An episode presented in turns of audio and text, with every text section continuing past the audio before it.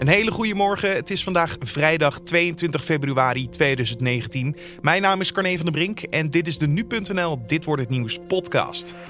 President Donald Trump riep afgelopen vrijdag de noodtoestand uit. Met die maatregel hoopt de president de beschikking te krijgen over voldoende geld voor de bouw van een muur aan de grens met Mexico.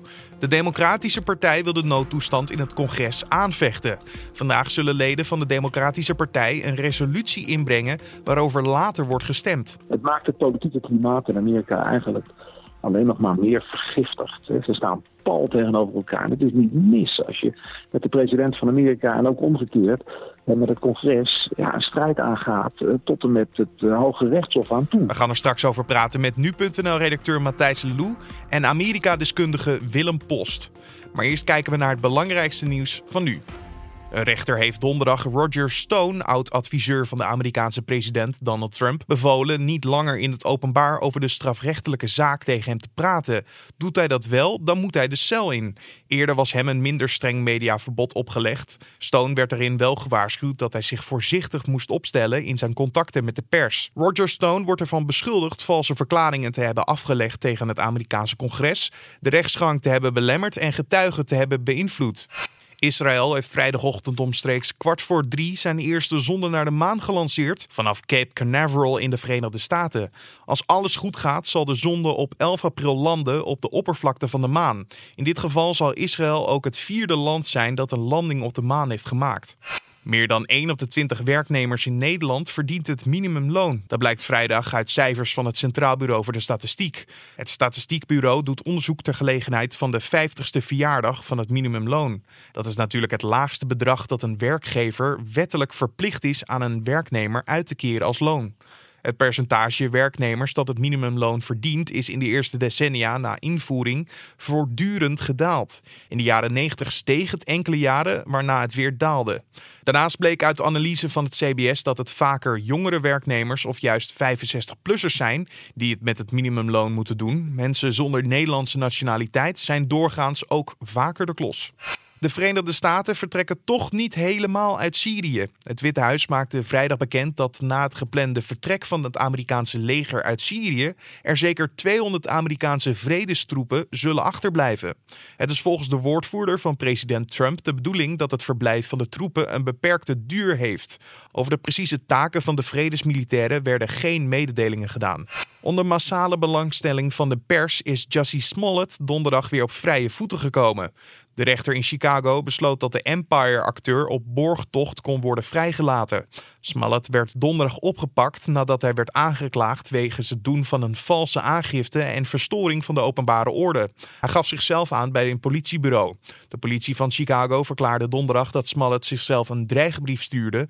Toen de brief niet de gewenste hoeveelheid aandacht opleverde, zou hij twee broers 3500 dollar hebben betaald om een aanval op zichzelf in scène te zetten. En dan kijken we naar de dag van vandaag, oftewel dit wordt het nieuws. We're going to be signing today and registering national emergency. And it's a great thing to do because we have an invasion of drugs, invasion of gangs, invasion of people. And it's unacceptable. Zoals je net hoorde, president Donald Trump riep afgelopen vrijdag de noodtoestand uit. Met die maatregel hoopt de president de beschikking te krijgen over voldoende geld voor de bouw van een muur aan de grens met Mexico. De Democratische Partij wil de noodtoestand in het congres aanvechten. Vandaag zullen leden van de Democratische Partij een resolutie inbrengen waarover later wordt gestemd. Maar hoe zijn we in deze situatie terechtgekomen? Dat vroeg ik aan nu.nl-redacteur Matthijs Lelou. De wall was natuurlijk de grote verkiezingsbelofte van Trump. Zijn big beautiful wall, zoals hij dat ding zelf noemt. Uh, stadions vol van zijn aanhangers die scandeerden allemaal Build That Wall. die is bedoeld om verkrachters en moordenaars en drugscriminelen buiten de deur te houden, volgens de Amerikaanse president. Hij zei dat Mexico voor die muur zou gaan betalen, maar Mexico die vertikt dat. Nu zegt Trump dat Mexico dat indirect toch doet via de besparingen die heronderhandeling van de Noord-Amerikaanse vrijhandelsovereenkomst NAFTA heeft opgeleverd. Maar economen die stellen dat NAFTA het benodigde geld in de schatkist ook niet indirect gaat opleveren. Ja, wat gebeurde er toen? Trump die stapte naar het congres om daar om geld voor zijn muur te vragen. Hij verbond een, verdrag, een bedrag van 5,7 miljard dollar voor dat doel aan een begrotingsvoorstel. De democratische meerderheid in het Huis van Afgevaardigden die zei natuurlijk nee. Trump die hield voet bij stuk en in december vorig jaar sloot ongeveer een kwart van de landelijke Amerikaanse overheid de deuren. Bijna een miljoen ambtenaren werden naar huis gestuurd of moesten zonder loon doorwerken. Die situatie die duurde 35 dagen, de langste overheidssluiting in de Amerikaanse geschiedenis, voordat Trump uiteindelijk toegaf en een tijdelijke begroting goedkeurde. Nou, toen was er drie weken de tijd om te onderhandelen, om een nieuwe shutdown te voorkomen. Maar die gesprekken die zaten eigenlijk muurvast. Ja, en uh, die klok tikte dus ook voor een nieuwe deadline. Uh, wat deed de president toen? Trump die zat een beetje in een pijnlijke spagaat. Aan de ene kant gaf een meerderheid van de Amerikaanse kiezers hem de schuld voor de shutdown. Dat was ook niet zo raar, want de president die zei tijdens een bijeenkomst met de Democraten letterlijk en, en op camera dat hij de verantwoordelijkheid voor de sluiting nam. En aan de andere kant werd hij heel veel bekritiseerd door radicaal rechts, zoals uh, politiek commentator en oud-Trump-fan Ann Coulter. Nou, die riep dat hij zijn achterban heeft verraden omdat hij in de afgelopen twee jaar zijn muur niet heeft afgeleverd. En dat hij eigenlijk ruggengraatloos was en, en niks voor elkaar kreeg.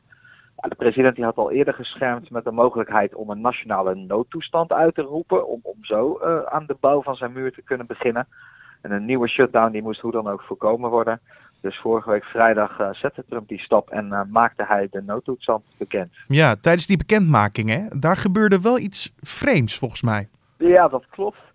Want uh, de president die zei daar letterlijk dat hij de noodtoestand niet had hoeven uitroepen, maar dat hij dat toch had gedaan. Ja, dat druist natuurlijk in tegen de definitie die veel mensen hebben van een noodtoestand. Dat kan wel veel kritiek en hoongelach te staan. Ja, dat kan er mogelijk ook nog parten gaan spelen als er rechtszaken worden aangespannen om de noodtoestand aan te vechten. Maar die noodtoestand, hè, is die niet al lang in werking gezet door Trump? Of heb je nog te maken met een soort bedenktijd? Nou, van bedenktijd is eigenlijk geen sprake, maar de juridische en politieke experts in de VS die zijn het er niet over uit dat Trump de bevoegdheid heeft om op deze wijze een noodtoestand uit te roepen. Uh, ook de Democraten die zijn natuurlijk niet van plan om dat zomaar te laten passeren. Dus die zijn ook van plan om, om die noodtoestand in het congres aan te vechten. Er zijn uh, veel critici uh, van, van Trumps besluit. Enerzijds zeggen zij van ja, er is helemaal geen, geen sprake van een noodtoestand aan de grens. Die kan helemaal niet worden onderbouwd op basis van cijfers.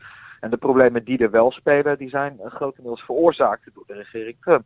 Mhm. en, en over precies die vraag, wat is nou eigenlijk een noodtoestand? Ja, daar zal de komende maanden heel veel te doen zijn. De Democraten hebben al aangekondigd dat ze naast hun politieke pogingen om die noodtoestand aan te vechten ook een rechtszaak zullen aanspannen. En uh, de ministers van Justitie in verschillende staten, waaronder Californië, die hebben gezegd hetzelfde te zullen doen. Ja, want kan Trump wel eigenlijk beginnen aan de bouw van die muur of heeft hij het geld nog niet? Het is nog onduidelijk hoeveel werk de regering Trump uh, daadwerkelijk kan verzetten aan de bouw van de muur voordat een rechter dat stillegt. Een belangrijke vraag daarbij is inderdaad hoe zal die muur worden betaald. Het Witte Huis heeft dan een soort van tipje van de sluier opgelicht over waar dat geld vandaan zou kunnen komen. Er zijn bijvoorbeeld binnen het leger potjes voor civiele werken. En tijdens een noodtoestand zouden die kunnen worden gebruikt om een constructie te bouwen ter verdediging van de landsgrenzen. Ja goed, een muur zou je natuurlijk kunnen zien als zo'n constructie. En ook andere militaire bouwfondsen, zoals bijvoorbeeld voor de bouw van woningen op militaire basis, voor personeel daar die zouden kunnen worden aangewend van die muur. En dan zijn er naast de, de potjes bij de strijdkrachten, uh, zijn er ook nog uh, potjes die bijvoorbeeld uit, uit, criminele winsten kunnen worden gehaald, die door de overheid in beslag zijn genomen. Dat daar, die, die fondsen zouden zo'n 2,5 miljard dollar bedragen. En de militaire fondsen waar ik het eerder over had, zo'n 3,6 miljard dollar. Nou, dan ben je natuurlijk al een heel eind in de richting. Precies. Um, ten, slot, ten slot, wat vindt eigenlijk de Amerikaanse kiezer van dit alles?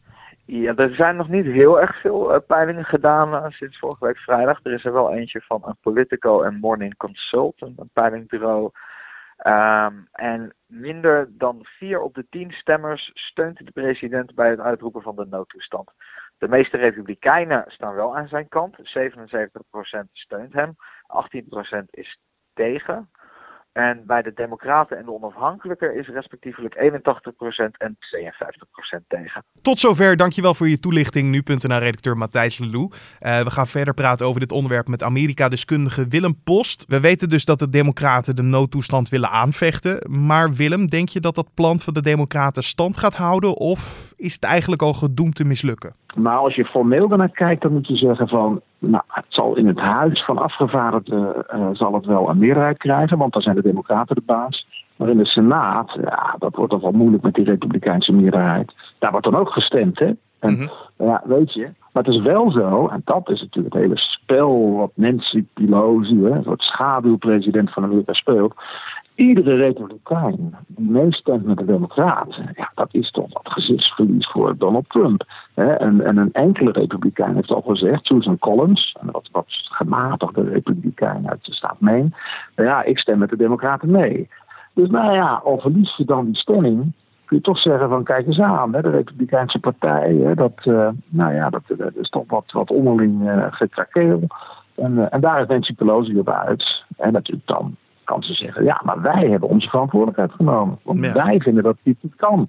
Hè? En kijk eens aan, die Republikeinse Partij. Die doet maar gewoon mee met president Trump. Terwijl het natuurlijk één grote leugen is, hè, de noodtoestand. Want ja, bij die, bij die muur, dat is zelf gecreëerd. Alle statistieken wijzen op minder vluchtelingen uh, en, en uh, vanuit, vanuit Mexico. Dus hoezo een noodtoestand? Hè? Dat mag helemaal niet. Tel uit je winst. Cannot stay silent on the president's threat to declare a national emergency to pay for his boondoggle of a border wall.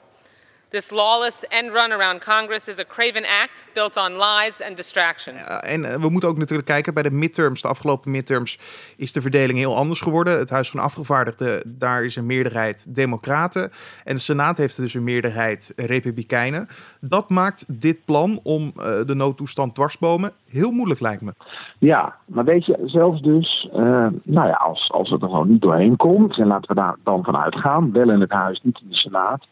Ja, wat er dan gebeurt is, wat er dan zal gebeuren, is dat de Democraten uh, nou, een, een rechtszaak gaan aanspannen. En er zijn al bijna twintig Amerikaanse staten, bijvoorbeeld Californië, hè, uh, die, uh, die een rechtszaak hebben aangespannen tegen president Trumps noodtoestandplan. Ja, en je hoort mij al een beetje diep ademhalen, diep zuchten. Want wat er dan gebeurt is, ja, het kan wel een jaar, anderhalf jaar in beslag nemen. Dan zal de rechter wellicht de, nou ja, de, de, de, de aanklagers hè, in het gelijk stellen. Maar dan gaat Trump daar weer tegenin. En dan is het een beetje pingpongen naar boven toe. En dan komt het bij het Hoge Rechtshof uit.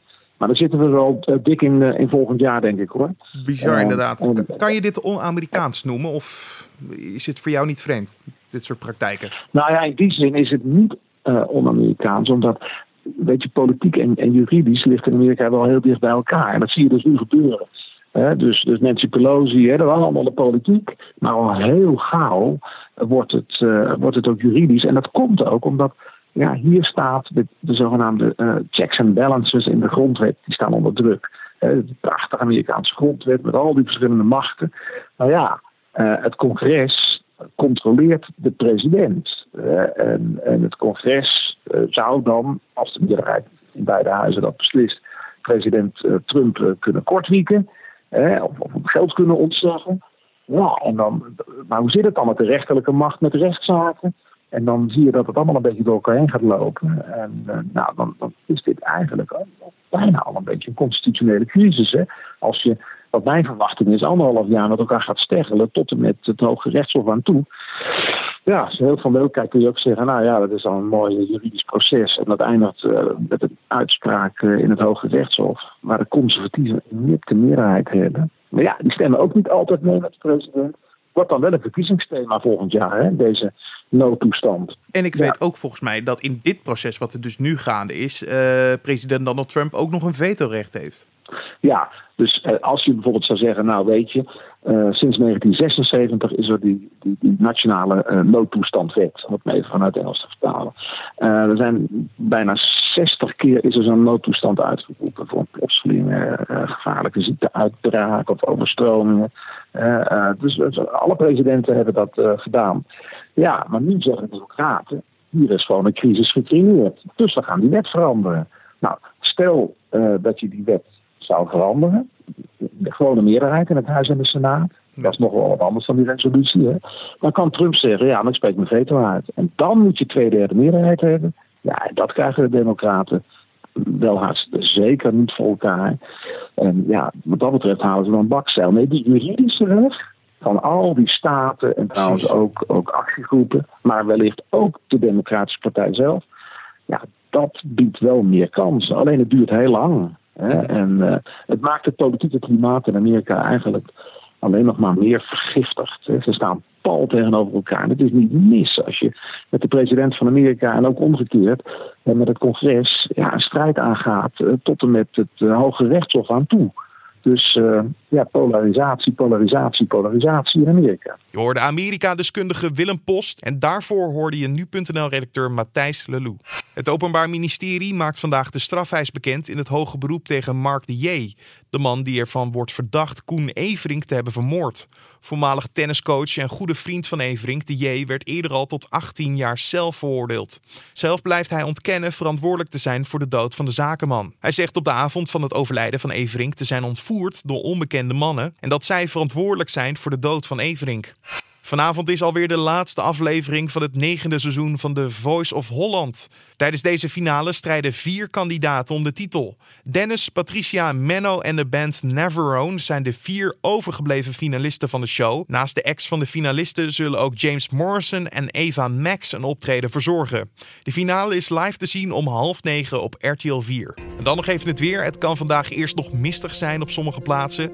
In de loop van de ochtend verdwijnt deze mist. Op de meeste plekken blijft het vrijdag overdag bewolkt. Wel is het droog en er staat weinig wind en er is zo af en toe ruimte voor de zon. En het wordt tussen de 12 en 14 graden. En om af te sluiten nog even dit. Het wereldberoemde schilderij De Zonnebloemen van Vincent van Gogh is na een kortdurende restauratie weer te zien in het Van Gogh Museum. Tijdens de restauratie is gebleken dat het doek uit 1889 in stabiele conditie is, maar dat het wel erg kwetsbaar is. Om die reden besloot het Van Gogh Museum al eerder om het doek niet meer uit te lenen aan andere musea.